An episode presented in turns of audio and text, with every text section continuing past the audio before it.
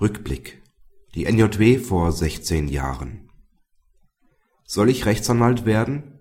Plädoyer für den Juristenberuf Unter diesem Titel skizzierte Alfred Kleis in seinem Werk, das Fritz Ostler in der Rubrik Buchbesprechungen der NJW von vor 16 Jahren unter die Lupe nahm, das Berufsbild des Anwalts.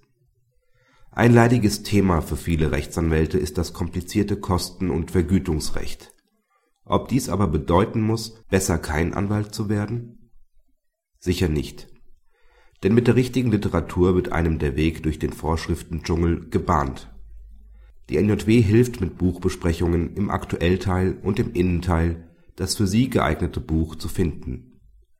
Mit welchem Buch sich auch der Anfänger über das RVG informieren kann, finden Sie in der Rubrik Buchbesprechungen im Aktuellteil welches Werk eine Einführung in das Notarkostenrecht bietet, können Sie ebenfalls in dieser Rubrik nachlesen.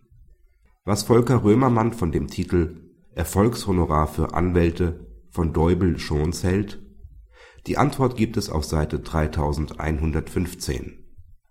Unmittelbar im Anschluss daran empfiehlt Norbert Schneider die von Peter Hartmann kommentierten Kostengesetze.